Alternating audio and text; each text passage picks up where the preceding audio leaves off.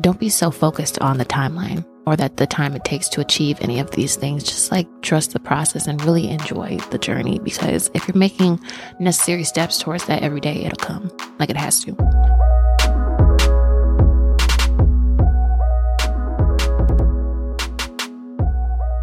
This is 1111 Podcast, and I am Brianne Andrea with Ju- Juice. There it is. There it is. Boom. I'm gonna actually use that. yeah, I'm so serious. Um, how are you? I'm great. How are you? I'm great. I'm great. I'm happy we could finally do it. I'm so happy. When missed it. Jordan hit me up randomly, he said, Juice wants to do the podcast with you. I'm like, let's get it. I'm Yeah, ready. let's do it. Man, I'm excited. So, where are you from originally? I am actually from here. You're from here originally. Um, Yeah, I'm born and raised. I grew up in Richfield, Okay. so spent most of my life there between Richfield and Apple Valley. But I attended Richfield High School too, so Mm-hmm. um, I didn't. No, my rapper was popping in my pocket. You All know, right. no feedback. Um, funny story though. Yesterday, someone did hit me up and they said, "Well, way to just disappear for ten years," and that was probably the most accurate thing somebody could have said to me all weekend oh, so you've disappeared in real life? in real So life. everybody- Yeah, like I'm just now coming around, coming back in action in Minneapolis. in Minneapolis. That's funny. Um, and when did you move originally? Like Um, from here, the first time. So I graduated Richfield in 2012, and then I spent my first year of college at North Dakota State College of Science Okay. in Wapaton, North NDSC. Dakota. Right. NDSCS. Yeah, you heard of it? Yeah. You know people who went there? Yeah. Did they like it? No. Okay. I mean, 20 people. Same Just wanted to- experience. okay. I only stayed there a year. I had to get out of there. And so um, from there, I moved to Raleigh, North Carolina. And then I moved to Louisville, Kentucky. So I've, I've been gone since 2012. Oh, seriously? Yeah. That's fun. That's that was my goal. That's what I wanted to do. I wanted to leave Minnesota. Right. I graduated 2013, so that was my plan. Yeah, no, I ran. Been here the whole time. Okay. I mean, that's not the worst thing. Oh, that's definitely. I love it. Yeah. But that was the plan. I'm happy somebody lived it out though. Not too many Try. people. I'm trying. Name like five. so, um, yeah. Let's let's let's back up. Did you, what middle school did you go to? Richfield. Oh, so you're Richfield to the bone. Richfield. You're through and through. Yeah, thorough. Richfield. Graduated Richfield. Mm-hmm. You had a decent basketball team 2012, 2011. Yeah, I was on it. For real? Mm-hmm. Ah, see? You hoop. I did. Yeah. The state tournament, I think we lost to De La Salle. Yep. That game still hurts. I bet it does. I bet it. Dude, every team De La Salle has beaten, I'm telling you. It, it hurts because, it, well, not all of them, because they blow a lot of teams out. I think it Yeah. was that team, and then it was the Washburn team from 2012. Yep. Mm-hmm. Senior year. Check it. Yeah, um, I, I still remember that game so thoroughly. Like Jessica was in foul trouble, and then it Mm. was just all downhill from there. But I mean, the cool thing about it is like a lot of us girls, even on the Richfield team and the De La- the De La Salle team, grew up playing basketball together. So Mm-hmm. we were all like you know friends, cordial. So it was all fun and games. But then you know it still stings. Still No, that something makes it we worse for Talk me. about what that your friends are on the court. I'm trying when we, to when eat. We, when we I get on am the court, it's none of trying that. To kill. Okay, but when you get on the court, it's none of that, of course. Yeah. But you know, afterwards, it's something we could talk Yeah. Mm, about. You could go celebrate with them. Yeah. Well, maybe not. I was trying to see how far you was gonna take it. Maybe not. Not that deep. Maybe not. I, I don't want to see anybody. No. I don't even want to see my teammates for Probably a little not. while. So, um, yeah, that's insane. So, why didn't you? Did you hoop uh, for NDSCS? yeah. Um, it's funny though because I played volleyball, basketball, and softball in high school, and my favorite sport was softball. So I was like steady praying that I would get picked up for softball. Mm-hmm. Um, I was this close to going to Hampton um, University right out of high school, but then I didn't get a full scholarship. Mm-hmm. And so NDSCS was the only institution at the time that was offering a full scholarship. So I just thought I'm just going to go there um, for the sake of not having to pay, Mm-hmm. To pay, yeah. you That's know, a- any college kind tuition, right? of- yeah. Um. So, what made you? Well, I know it made you leave. What what made me leave? What made me? What didn't make me leave? yeah. No, um, I don't. I'm, I mean, I just feel like not even just particular to NDSCS, but Midwest in general.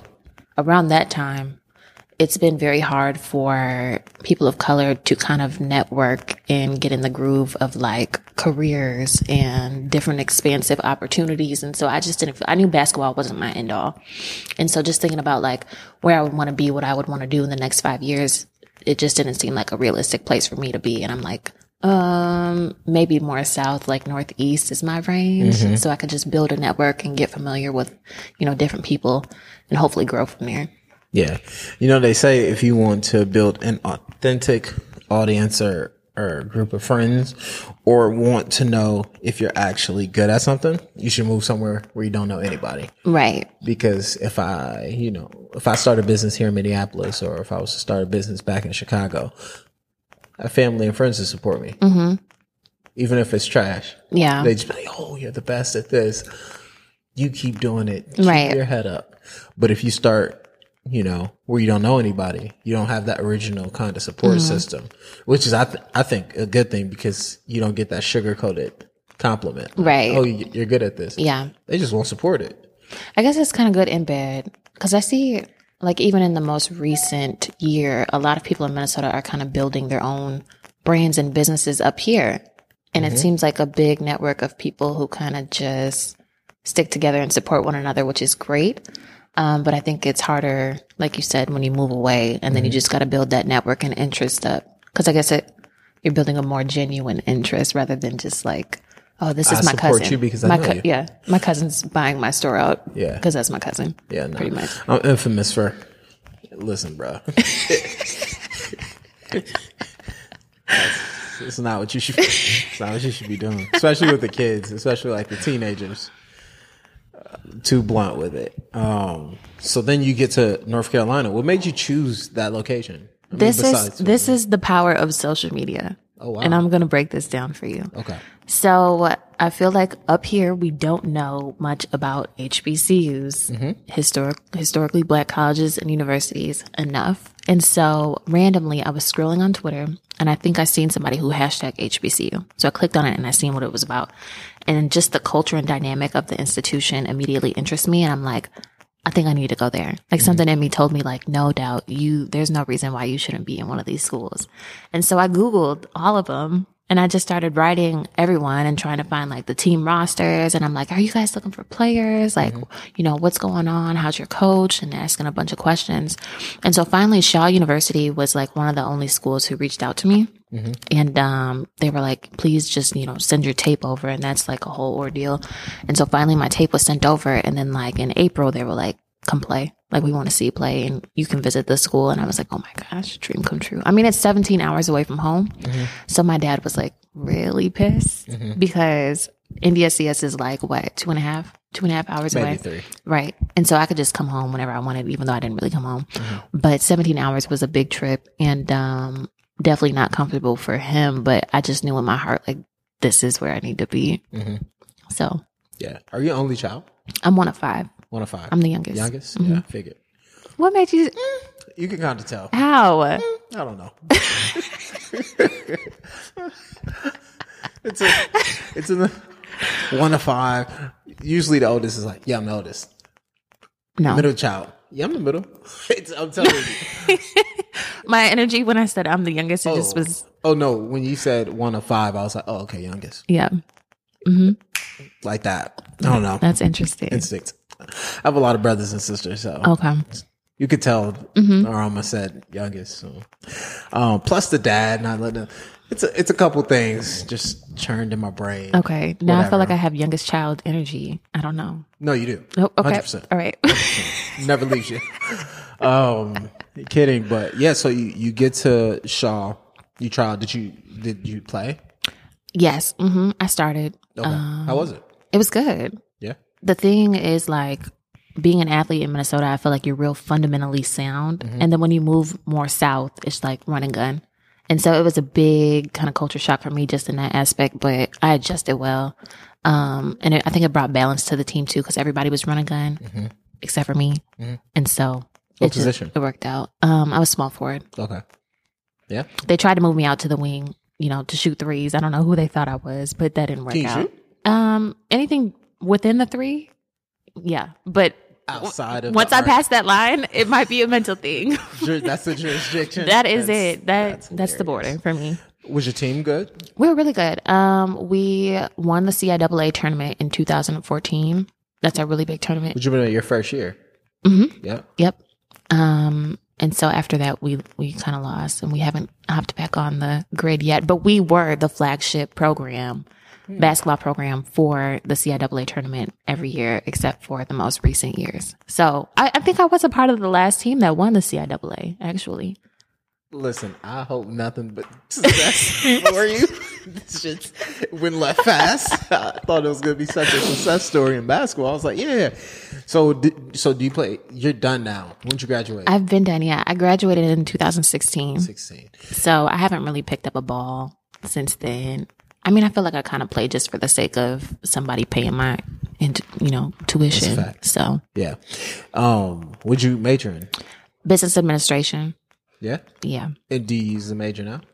Um, well, I'm a pharmaceutical sales rep, and so I just feel like in that industry, you can use any kind of degree. It's just very versatile. But I mean, it is a lot of business acumen that you have to have in that career. So I, I guess so. In a way, you do. Yeah. but Not fully. And then I want to walk back just a little bit. You do that now. Um, you played basketball your whole life? Or Yeah. Mm-hmm. ma- majority? So when was your first job? Or did you have a first job? My first job was actually the summer that I came home from my first year of college. I worked at, At NDSCS? yeah, I worked at Bed Bath and Beyond that summer to pay for my college courses over the summer to go to Shaw. Oh, so you're a hustler too. I had to be, yeah. So what's the discount there? now listen, I know this sounds like a like a wild question. That's yeah. I don't know. I really don't know what the discount is. I mean, it's been some time. A, lo- a lot of things have, have happened since that first job, so Probably like thirty. I guess. ballpark. I was hoping to get some inside info. Damn it. So you graduate. What's what's next after that? Because that's Um, that's usually the toughest. You're out of state. Right. Um, you have somewhat of a network. I'm guessing you lived there for three years. Well, I think the the advantage that I've had all my life is that I'm always coming into some type of team. And so uh, being on a basketball team, you have people there to like immediately welcome you in. But when I moved to North Carolina, I was still like kind of really shy and in a box, like in a shell, um, just kind of awkward and uncomfortable. But then I met a few people, like some of my best friends that I met from college, and they're like, you should do pageants, you know, you should join organizations, you should, you know, sit on this board, do that. And I'm like, me? What? Just like really like, you know, introverted. I don't want to get out there and be too much. I mean, because in those atmospheres as well, like you don't want to be. It's. I mean, you should be, but it's very hard to be like the person with the spotlight, Mm-hmm. or like you know, this person has so much going on for them because there are some people who are going to be genuinely happy for you, and then there are some other people who are going to want to like sabotage you and be like, well, why is that not me? Mm-hmm. When it could easily be both of us, but um, yeah, that happened. Um, what was the question? I'm sorry, I was thinking. I was just. I was just thinking No, about don't like worry, don't worry. So I just want to know um, what you did after you graduated, Um, because it's it's it gets tough. right. You're not guaranteed a job sometimes after college. Mm-hmm. Um, I'm not familiar with the HBCU's opportunities after college. Mm-hmm. Yeah. but at a big university, you can go to the U of M and graduate. and It it's tough after that. So Right. I, Um, I feel like in the South in general, and and with HBCU, HBCU specifically, there are so many like internship opportunities that when you walk away with your degree, and you've set yourself up with that many internships and networking opportunities, like you should have a career. Um, and I feel like some of the pageants and internships and organizations that I've joined have like helped me gear towards that because I think junior year is when I actually made my first LinkedIn page. And so when I listed all those experiences, then I started getting the job offers and people who were interested in saying, "Give me a call. Um, I think you'd be a great fit for our company, etc."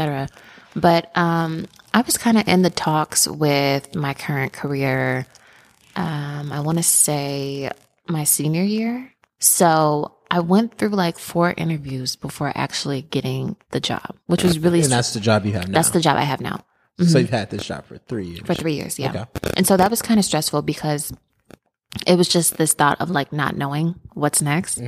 And I feel like that's what all, you know, college grads go through. Just like, what's next for me? What's next for me? Instead of just being complacent and waiting it out and seeing what unfolds. And so, like, I would literally come home and be in tears, just like, oh, I cannot be jobless. I'm going to be homeless. I don't want to go back to Minnesota. Like, I don't know what I'm going to do. But um, by May, actually, no, I got hired in August. By August, I had got a job and then I had moved out to Louisville, Kentucky to pursue pharmaceuticals. So So from June, I'm guessing you dropped away to May. from to May, June, yeah. you So just from May stayed. to August, I was just like, what the heck is next?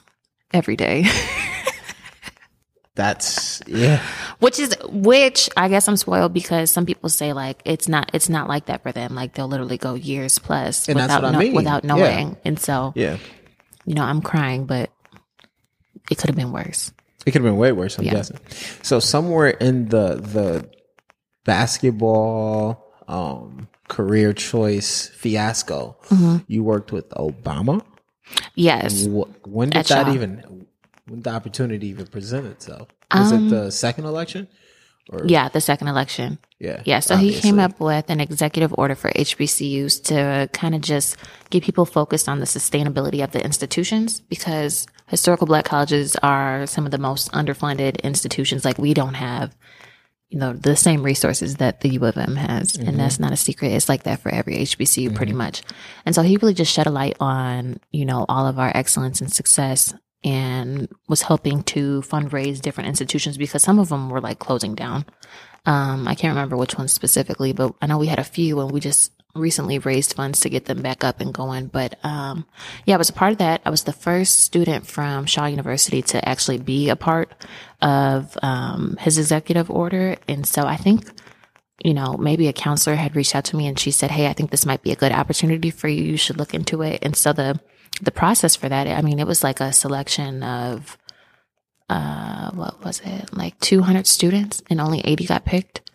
And so I was one of them and I was like, "Oh my gosh, I'm going to meet Obama." I didn't meet him, but still So you still haven't met I haven't I haven't met him, but you've seen him. but I've seen him. And I got more to than a lot of I got people to visit the White House when he was in there. And so you know, that's a pretty that's a pretty big deal. Yeah, no, I think so. I think so. No, and but the good thing about it was like during our reception ceremony, um, Michelle Obama gave a really nice speech via video, and Oh. um, Bro, it's the second time you've done this. I got you so excited, and then I'm like, Mia. via video. All right, listen. Uh, Jesus. Oh man. I still felt it though; it was still deep. So Oh man. yeah, Okay. So, so how did that? Um, how did that end? Like, um, Trump. well, I mean, Oh, okay. Well, damn. Third time. Because he No, won se- the I mean, election. seriously, yeah. mm-hmm. Obama won an election. How did that feel? great, After that, it was over. pretty much. You graduated soon after. But w- I- was it, you know what I'm saying? Did y'all have a party at the school? Was it a barbecue? Did y'all do a No, um, what did we do? I think saying? I think there was one more year. cookout? there was one more year of his executive order and then a new class had come in and I had served on the alumni association for that class. Okay. And so then there was one more year um and then it was just cut. The program was cut Oh, wow. And, and none of it it kind of exists anymore. So you still, I hope, what? never mind. Go ahead. Mental processing. Okay. I caught up with myself. I was going to say, well, do you think something? It was in place, and I was like, mm, president situation isn't, Mm-hmm. Yes. isn't so cut out for HBCUs right now. So I bet Yeah. we're sitting this one out. Um, yeah, I hope so. It's too man. deep. I hope so. That's southern too, so that's kind of yeah. So what's up with the with the city choices? Just as far as where I've lived so far. Yeah, have you ever thought about that? Um, like how all of the cities aren't like the top cities, How they're and not why North how it's Cari- not yeah, Atlanta, Georgia. yeah, yeah, Or Houston, Texas. yeah. Um You could go Florida, New York, California, right. Yeah. I could. especially in what you do.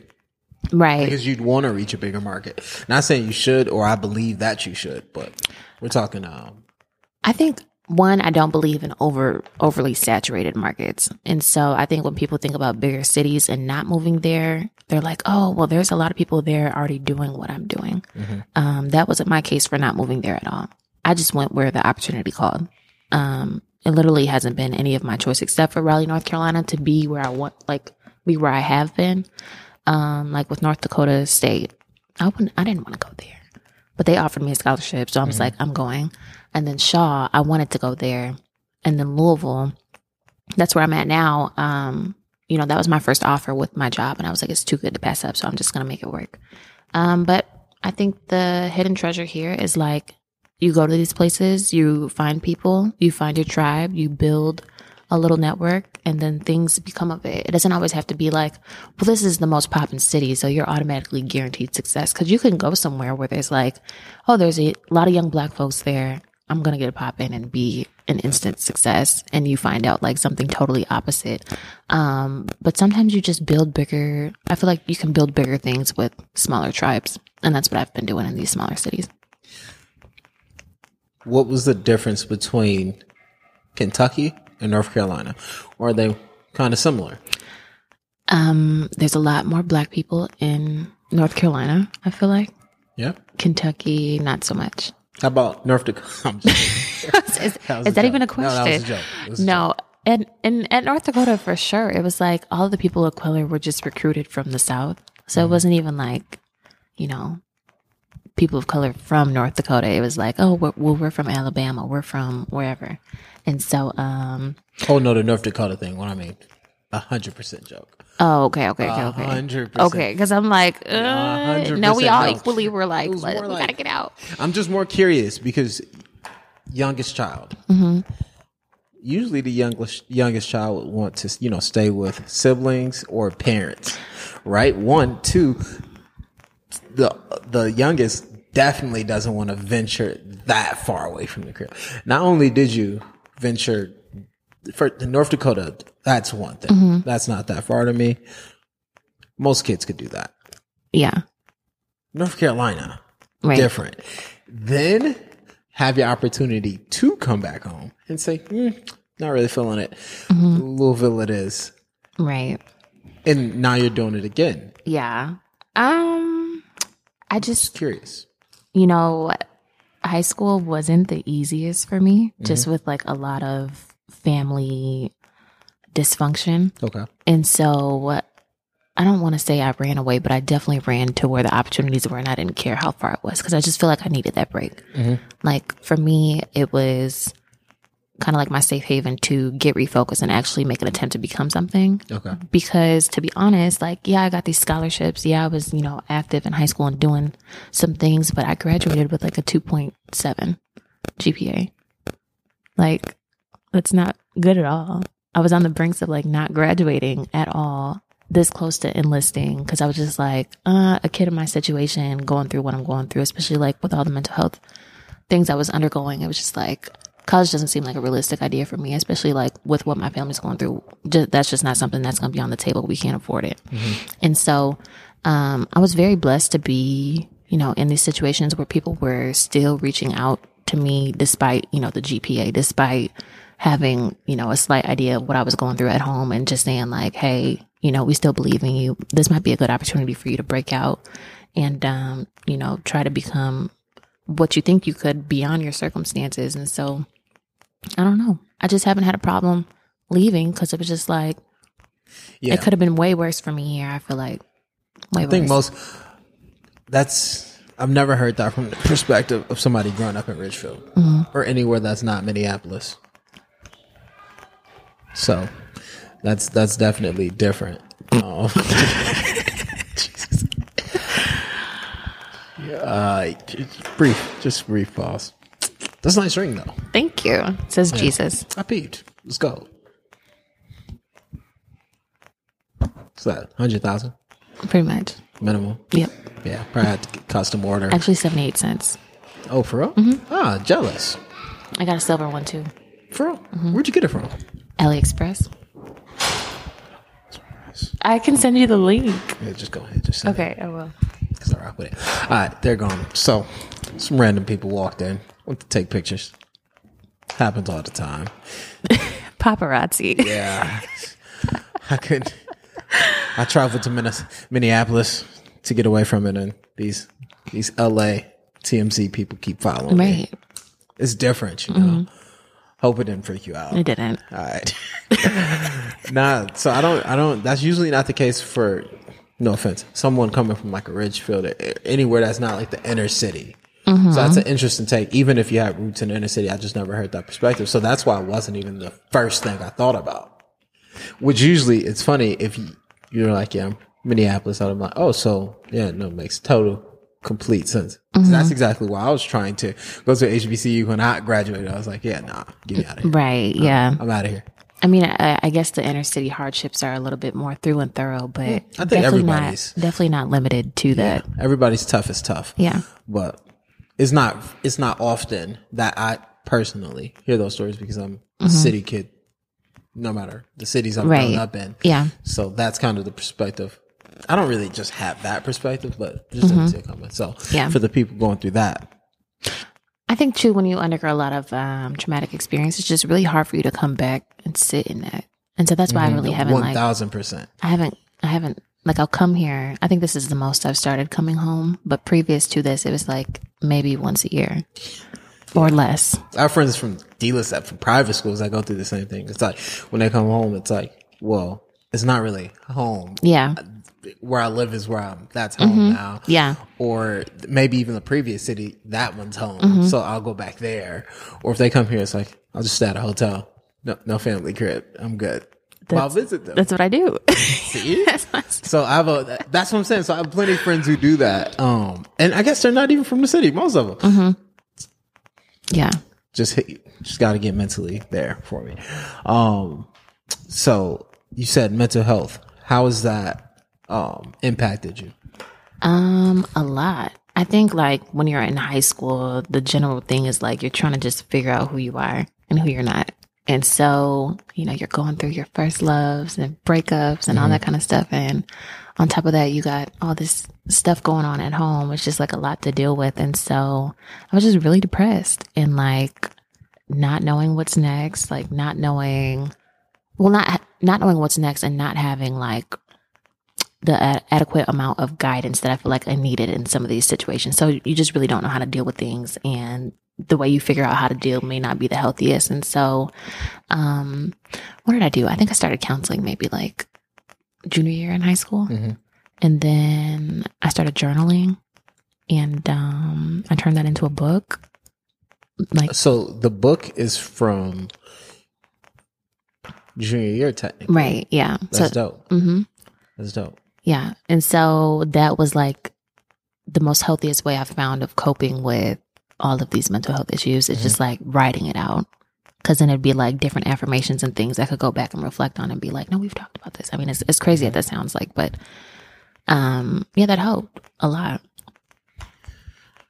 So you wrote that. jour- You wrote in your journal Mhm.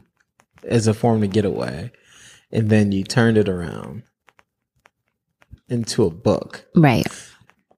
I think that's more of those are the the best kind of success stories. Mm-hmm. I think, especially coming from you know, especially like the, the of a person of color. More often than not, people of color don't have the opportunity one to get out how they're actually feeling. Um, they don't have the verbiage, the opportunities, um, or the mental capacity to let out anything that they're feeling. Sometimes I think we're in a new space now, but We're getting in, there. in, in that yeah but you graduated 2012 i graduated 2013 in high school you you you'd be lucky if someone you know said how are you doing and meant that as a question Right. and not as just a like a, a greeting right.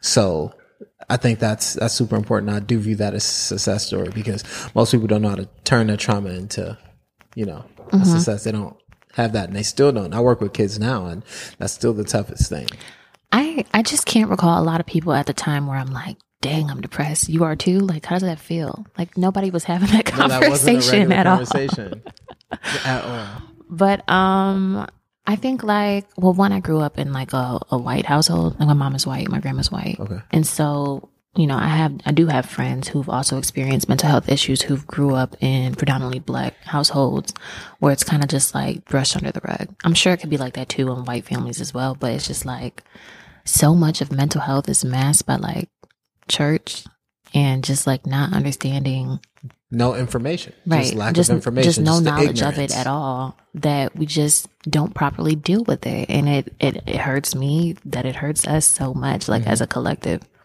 but um Happens in white households too. yeah but absolutely I think they know exactly what to direct it to. Like, hey, either uh, uh, I'm talking low income white families Mm-hmm. now. It's more like either pills or, hey, you do need to go see somebody. right Maybe we don't have the means to see it, but you need to see somebody. Yeah. Mm-hmm. So they know what it's about. right with us it's just like a variety of things there's so many different circumstances and things in society that impact us Yeah, it could it go. could just be it could go either way and then with the parents or anybody around you, it's like, oh, puberty. You know, she's such a teenager. Right. She's just going through mood swings. Don't worry about her. You know, he's just dealing with basketball and he just Yeah. Mm-hmm. wants to, or he just dealing with school. Or, you know, his mom got in an argument with him the other day. right So it's always like those things like, Yeah. no, I'm depressed, fam. yeah like take me serious Yeah. please So, like, even well, my first, I guess, close experience with that Mm-hmm. wasn't myself, of course, because I would have told you by now. Yeah. Mm. But it was my big sister. I would have never known that. Right. And she didn't know how to say it until she was, what was that, probably 19? Mm-hmm. So she was like 24, 25 before she could even. But like, what tell did us. so so? Were there was there different. anything different about her behavior? We're like, dang, like she's just switching up, flipping out. It wasn't even, it was um, withdrawal more. Okay, but then it'd be withdrawal plus closeness. Like, oh Right. Mm-hmm. no, like guys, like I want to get involved, and then Yeah. it'd be like that's the interesting thing about it it's always because it's- I feel like looking back on my experience as well. Like I remember how I was in high school, and if you ask any of my teachers, they'll be like, she was the loudest one in the hallway. She was just like, uh-oh. she was just so disconnected. Like her grades were low, da da da, and automatically they would just dismiss me as like a, a bad student without asking any thorough questions like what's going on at home to make you act this way and i feel like that is the biggest gap with any of us today because i mean if you look at test scores and like um you know just the stories about like our inner city youth at different schools we're it, they're just so quick to pass us off as as bad students without actually taking like the time to pause and say what's going on in your home life where i can help you be a little bit more focused here and I think that's why we need more black, more people that look like us, just people of color Mhm. in the school system. yeah I've had um Hispanic teachers. I've seen Hispanic teachers have that same compassion. I think it's compassion. mm-hmm I think that's what it is. yeah. Like your job, compassion your and jo- relation. Like, I can relate to you. Mhm. I can relate to you. I, It- I grew up in a household like yours. Yeah. Or I remember I was that loud kid in school. Or oh, your hair looks like mine. Mhm. Why are you Why are you doing this? Like, calm down. Mhm. I've also had white teachers that have that same, you know, inner city dog. Like, oh no, I grew up here. I mean, Right. granted, I live in Edina now, but hey, what's Yeah. Mm-hmm. wrong with you? Like, talk to me after school if you want, but few and very, very, Very, very, few, because I can very count far like between. two at Exactly. I could count one. Mm-hmm. So. my yeah. That's what I'm saying. So I think that's why we need people of color in the school system. And I know that's that's another conversation Mm-hmm. another day. so many, so many to have. It's like mental health and and and, and that. I mean, in a way, they're synonymous, but Yeah. Mm-hmm. they're also very far apart. So I don't know. That's deep. Yeah. hey, next time you see Obama, you should, I, I might just call him right now. Him, Yeah, and, Mich- just- him and Michelle, just see what's up. you call her Come Shell. by, Shell. What's up, Shell? Her and Shell. Um. So your book. Yes. what what was your process um like what made you say hey that journal from 2012 2011 what if i made that a book did anybody help you with that idea of bringing that to fruition Um, was that just I started posting pieces of it on social media, on Twitter, okay and I started getting DMs from people who are like, "I'm so depressed, and this is helping me," and I'm like, "Wait, what?" because I didn't think it was that deep. You know, I'm just riddling off something I scribbled in my book like years ago. Yeah. And they're like, no, like these words are really resonating with me. Like I, I, I mean, not to get too deep, but one girl, she even reached out to me. She was like, I thought about like taking it there last night. And I was Yeah. like, please no. But these Yeah. are real stories. Yeah. And if my words can impact someone like that, I'm just like, why? Like, how selfish of me to keep it to myself. I need to, you know, put it out there and turn it into a book because, you know, I just help one person. Maybe I'll have an opportunity to help another person too. Maybe like experiencing the same thing. When'd you put it out? Um, what was that last year? Oh, it's super recent. Yeah. Mhm. Super recent. So you have a book. You're an author. I'm an author. It's on Barnes and Noble and Amazon Mm. and Walmart. Can I have a dollar? I'm kind of a starving artist, but it's fine. We won't. No, okay. All right. I don't know if I'm accepting that. You're not supposed to accept everything you hear. It's rule number one. So, um, that's incredible though. That's super exciting. So, what was that process like for the people that want to, you know, create a book or get a word out like that? Well, my publishing company is company is Thirteenth and Joan.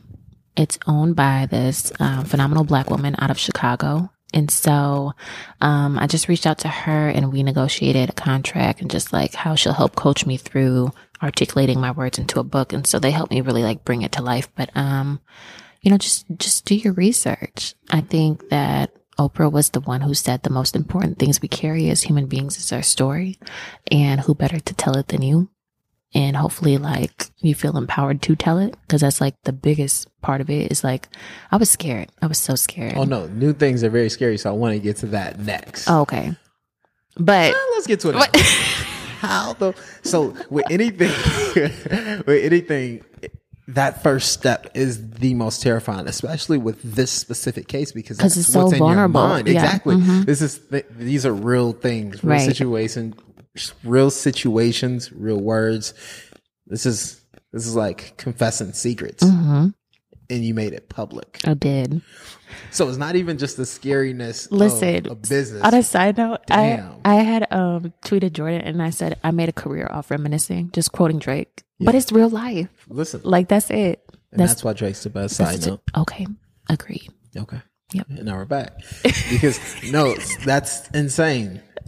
But that's the best I feel like. Yeah. Again, that's back to the No. Mm-hmm. success story because it's like the second you give, that's a different type of give your words power. Right. Mm-hmm. It's like giving your story power. Once you put it on front sheet, they say one of the the best ways to help you with anxiety or trauma is to talk about it to right somebody. yeah i believe That's that that's true the first thing. Once you get it out to somebody, Yeah. Mm-hmm. it makes it easier to to cope with. I They say when you keep it in, even with, like secrets or again anxiety or problems or things you're Right. Mm-hmm. thinking about that's making you go there. Keeping it in makes it it, it it can hurt you inside, but once you get it out, like hey, I'm Yeah. struggling with this. It feels good even that first time, and then Mm-hmm. after that, it, it becomes easier. I'm not saying it's over with, but getting that. First one, but it's also scary as shit. Like, It's what so if this scary. person jacks yeah. on me? What no, if this person seriously. changes yeah, on me? because I mean, there are stories in there about particular people, but I don't use names. But I'm sure they. I mean, we've experienced some of these things together, so I'm sure they know it's about them and maybe have felt a way about some of these readings. But like, even with my family, there was only like a handful of people who knew. Um, in depth, like what I was going through. And so when I put out a book saying, like, you know, I've experienced trauma and I'm depressed, they're like, oh no, like it's kind of embarrassing to the family It's always but I just, embarrassing to Right. the But I, family. I just kind of had to disregard that and just, you know, pay attention to the bigger thing here. Like, we're going to help people with these words. And that's the most important piece of it. So I don't really care, like, who I'm upsetting or, like, how much of a mess I look when I put these words out because the underlying thing is this is a big message that needs to be shared with everyone. feel like it always goes back to just a couple questions like one is is it helping people Right. if not me who Mm-hmm. That's it. If it's so those- simple. if those two answers are like yes it'll help people Yeah. if not me who i don't know i will have to do it then, Yeah. no matter how scary it is- Mhm. scary it is and then um jordan mentioned something about a nonprofit Right. So fill me in please Okay. So I'm in hopes it's kind of a branch off the blossoming woman, which is the book. Um, but I'm you should hoping plug your book before, right before that Oh. wait. The the blossoming woman is where my can book. they They, find it Mm-hmm. can get it on Barnes and Noble, Amazon, Books a 1000000 okay and Walmart. So One, two, three. got four dollars. oh my god. I feel like, I, feel- I mean, Yeah, we'll make it. We'll make it happen so for we'll sure. talk about that again. Send her my cash app. please. um, so you turn to Blossoming Woman, Mm-hmm. your book, and you are forming a nonprofit organization around it, Right. or as a sector, or is it a spinoff? They're kind of all intertwined. Okay. But basically, it's like we talked about earlier before, just building a team to go around and educate folks on mental health and how to deal with it and find, you know, healthy coping mechanisms. And hopefully we can gather funds that help people get, you know, real counseling and real help. Mhm. Um, because that's not the worst thing you can do. I think, you know, definitely in 2012, everyone's like counseling, like Mhm. something's really wrong with you, but that's oh, not, yeah. that's not the case anymore. I'm I'm happy that the conversation around mental health has kind of expanded a little bit. oh yeah, Um, you know, definitely at the cost of like some of these really big celebrities passing due to it. Mhm. But and that, I mean that's unfortunate itself. But I'm glad that we're able to have this conversation now with a little bit more of an open minded heart and get people the help that they need. And so, I just want to be a part of that. And I'm hoping that the nonprofit will be a funnel for people like, you know, going through stuff and want to get help. Okay, so that'll be classes hmm where you go to inner city schools or you, what Right. Like we can go Oh, to inner city schools. so, we can so you'll have a conversation. right. It'd be like keynote speeches. Yeah, conferences, go to inner city schools and speak to kids about personal experiences, just kind of normalize it. Okay. Um, you know, if someone reaches out to the organization and they say, Hey, I want to go receive counseling, but my copay is still out the wahoo. I can't pay for it. It's like, okay, you know, submit a form. We'll get you covered. Okay. So yeah, you want to help with that. That's Mm-hmm. that. Um, just curious of what angle, what angles you guys wanted to kind of tackle. hmm So those are two. Yeah. So Those are just- the two main ones. Right. Got it. Okay. So That's it. basically education and funding. That's it. That's it. What made you think of that? Um, I don't know. It's just natural. it just it just made the most sense to me after writing this book.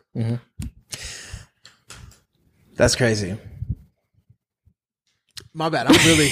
you can obviously see. I'm. I'm. I'm. I'm, I'm actually amazed for the people that can't see me. That's sick. That's sick. I think because it's super important. I told you how, you know, close it was to me. Right. So I'm. I'm that's dope. Thank you. I hope the best with that. Um, I have two questions. I ask every guest, um, centered around hard work. hmm So I'll say it twice too. What do you think sets apart successful people from people who give up or never get started? Let's say it one more time. hmm What do you think sets apart successful people from people who give up or never get started? So that can be with getting their story out. That can be with starting a business. We can make it as simple as leaving from, you know, a state of the known to, Mm-hmm. you know, state of the unknown. You know what? I'm not even gonna pump fake. I'm just gonna go read it for myself Please. again to kind of process this. Oh no, do your thing. what do I think sets apart successful people from people who give up or never get started? I would just say fear. Maybe is that the most common answer?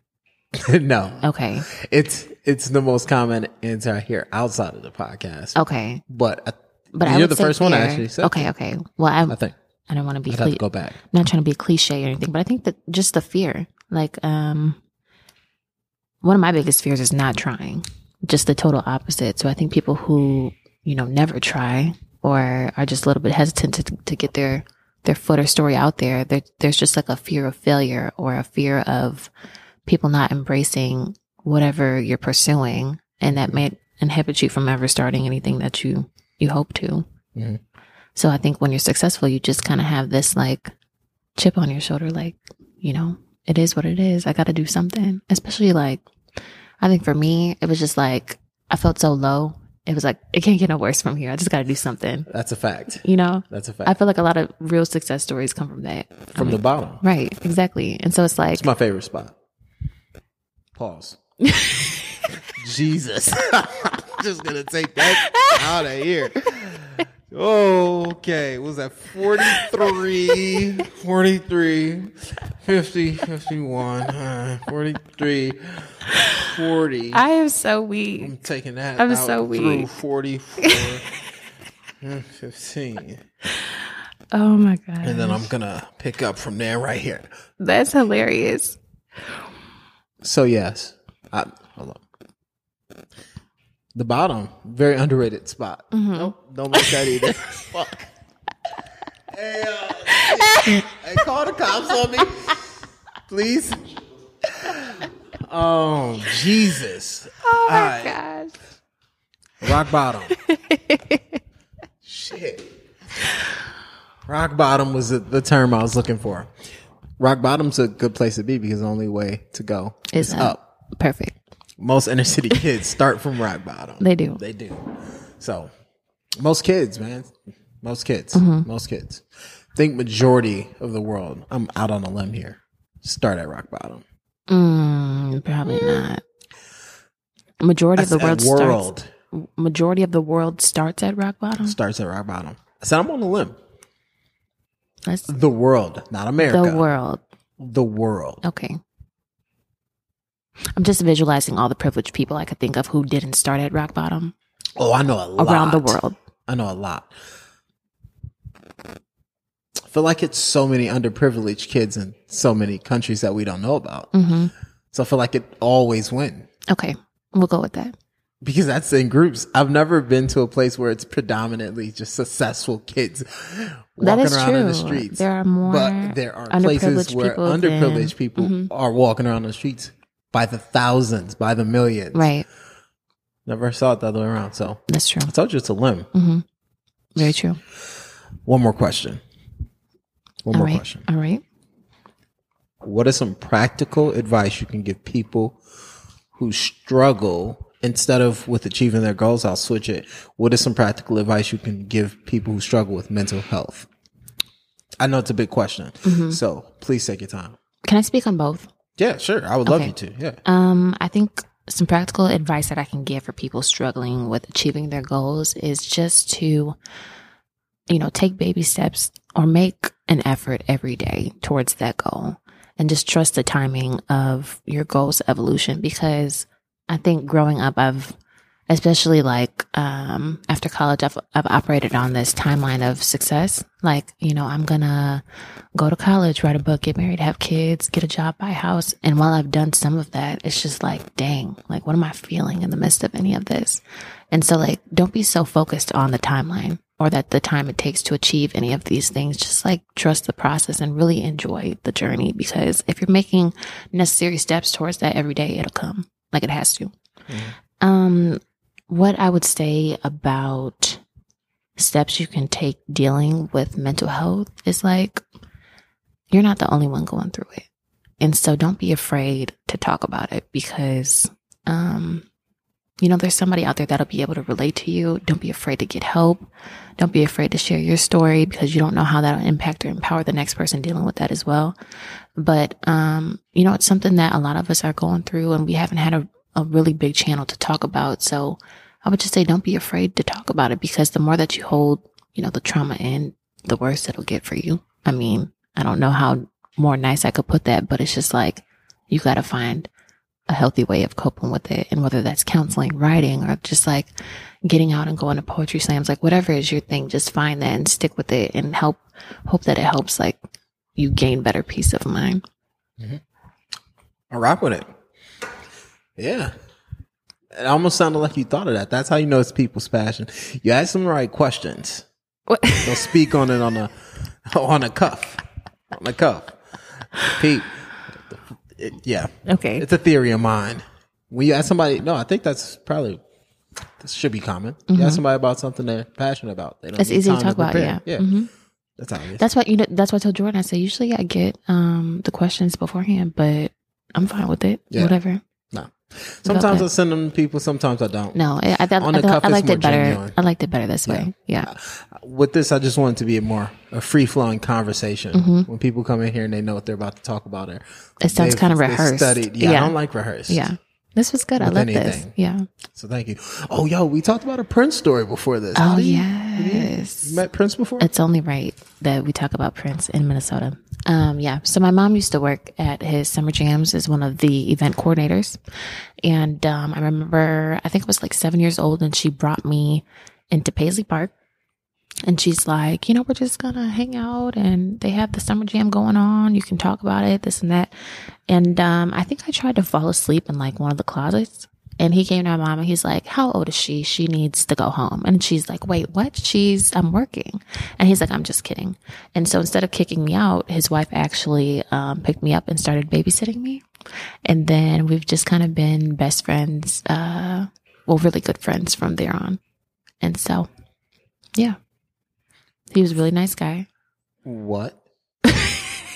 so that so, This is it's like it's such a casual story. Like no big deal. y- y- you know, Prince Prince had a joke with me. He was We we just had a few laughs. I'm saying just seven. big Ha, ha, deal. ha. That's what we do. Yeah. Mm-hmm. You know, it's Prince. Because why not, right? But like you said earlier, I feel like so many people around Minnesota just have this like story of Prince that it's just like we all kind of knew him in some type of fashion. So I just don't. Except me.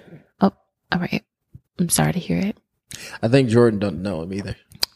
Well, that makes two of you guys. Um, Hey, you know Prince? Have you ever met Prince? You know him? okay. See? All right. Well, um, I was very blessed and honored to, to Thank you. See? See? Different ways you got to say that. You can't just, yeah, I know. I'm Oh, like he's a local guy, you know, the the man, the myth, the legend. Yeah, no, I don't know. But I hear so many amazing stories. He sounds like a, a a class Like a citizen. neighborhood but he sounds hero. funny. Nah, hold up, not No. just a neighborhood hero, fam. I've I've heard so many funny stories. Him just like talking about people, but in a good funny way. Like you know how, how we talk about people sometimes. I I, don't can't- Mm-hmm. talk about people now because I just that's not my energy. That's just weird to me now. But in high school. That's what I, I've heard stories like that. I've heard stories. I'm of- just automatically thinking about that Dave Chappelle episode when they were playing um basketball. Yo, so my brother, my older brother has a story about Prince, and he walked into when he first met Prince. My brother, my older brother, Uh-huh. dances, and he was like, "Yeah, you know, we we're um, about to dance on this video." So we went to Paisley Park, and we walked in, and it was like the Dave Chappelle video. We Oh walked my in, gosh. it was just smoke everywhere. We were like, what the Yeah. is No, going- seriously, that's it. on? It's pur- it's like purple lights and smoke. Is that the ambiance? Is that what he's going That's for? that's is that the aesthetic? aura. That's yeah, that's it. And there's real doves in there bro. and everything. I kid that's you not. Mm-hmm. So insane. See, yeah, I can't relate. I can't. I just don't well, I don't know what it looks like now because of course that was a long time ago, but I've, I've never even been to Paisley Park, so I should probably you gotta do that. go. soon. Yeah, I guess they're doing the whole museum thing, which is like Hmm. great, I guess. But Well, for those of us who, who don't know Prince, see them, maybe the museum's a good idea. But yeah, I don't want to pay to go in there. I don't think Prince would want I us to don't- pay yeah, to I go don't in think there. he would want that either. I mean, I can't speak for him, of course, but just I don't think so. Yeah. Well, thank you for hopping on. Thanks for having me. I usually do the handshake so people hear it at the end. Hear I it. feel like I'm gonna do a high five with you. Okay. Peace. Peace.